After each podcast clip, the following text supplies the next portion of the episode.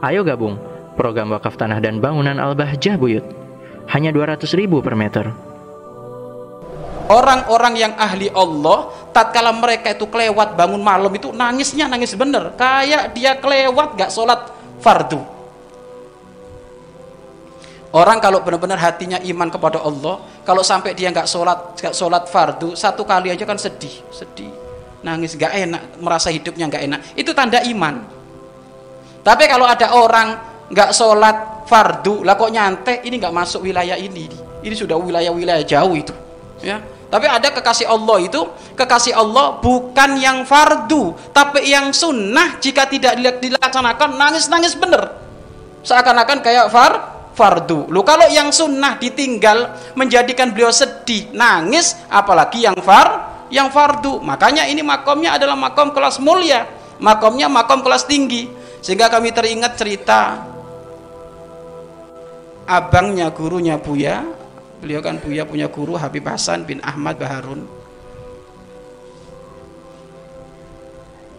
Punya kakak namanya kalau nggak adik kakak Habib Kosim bin Ahmad Baharun. Habib Qasim ini beliau tidak pernah meninggalkan bangun malam. Padahal beliau itu kalau nemenin tamu, katanya tamu itu biasanya peragat selesai itu kadang jam 12, kadang setengah 12, setengah satu itu baru selesai nemenin tamu. Tapi nanti bapak ibu setengah empat itu sudah bangun lagi.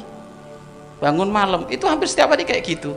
Hingga suatu ketika beliau itu nemenin tamu, agak malam sekali selesainya hampir jam satu atau setengah dua akhirnya beliau pamitan istirahat pamitan istirahat ke anaknya ke istrinya pamitan istirahat tolong nanti bangunin saya setengah empat. Bangunin saya setengah empat.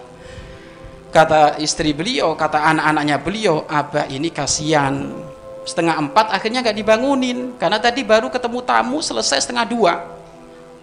Setengah empat gak dibangun gak dibangunin. Bangunnya dibangun waktu subuh setengah lima. Subhanallah. Sebenarnya kan urusan sunnah tapi karena Masya Allah inilah gambaran kekasih Allah itu ternyata Bapak Ibu beliau itu dibangunin setengah lima itu beliau itu marah sedih akhirnya keluarganya tidak disapa kenapa kamu nggak bangunin aku lu apa kan capek itu urusan di dunia memang capek kalau pengen enak nanti di surga Kenapa Abah sudah minta dibangunin setengah empat kok nggak dibangunin? Coba lihat. Pada urusan ini sampai keluarganya, istrinya nggak disapa gara-gara nggak dibangunin malam. Kalau orang sekarang kan ketuker ibu, bangunin sholat subuh ditendang. Iya kan? Bangunin sahur ditendang sekarang. ini kok beda pisan gitu. Ada seorang istri ngingetkan suaminya sholat malah wah so ustadzah inti sholat urusan saya. Nah, ini kan ajib, ini kelasnya sudah sangat beda sekali. Loh, beliau nggak mau nyapa sama anaknya itu sampai anaknya minta maaf semuanya, istrinya minta maaf semuanya. Ya beliau ngomong, jangan ngomong capek. La rohata fid dunia, tidak ada kata nyantai di dunia. Nanti nyantainya kalau kita sudah masuk surga.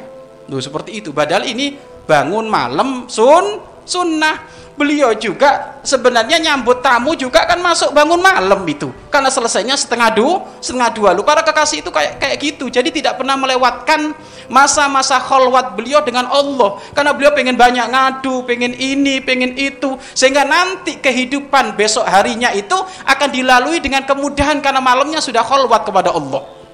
Tapi kalau sudah kelewat ini orang tua kami kelewat kholwat malamnya kepada Allah qiyamul malamnya lewat dari Allah khawatir malam harinya tidak diatur oleh Allah kehidupannya sehingga banyak menemukan kendala-kendala kendala.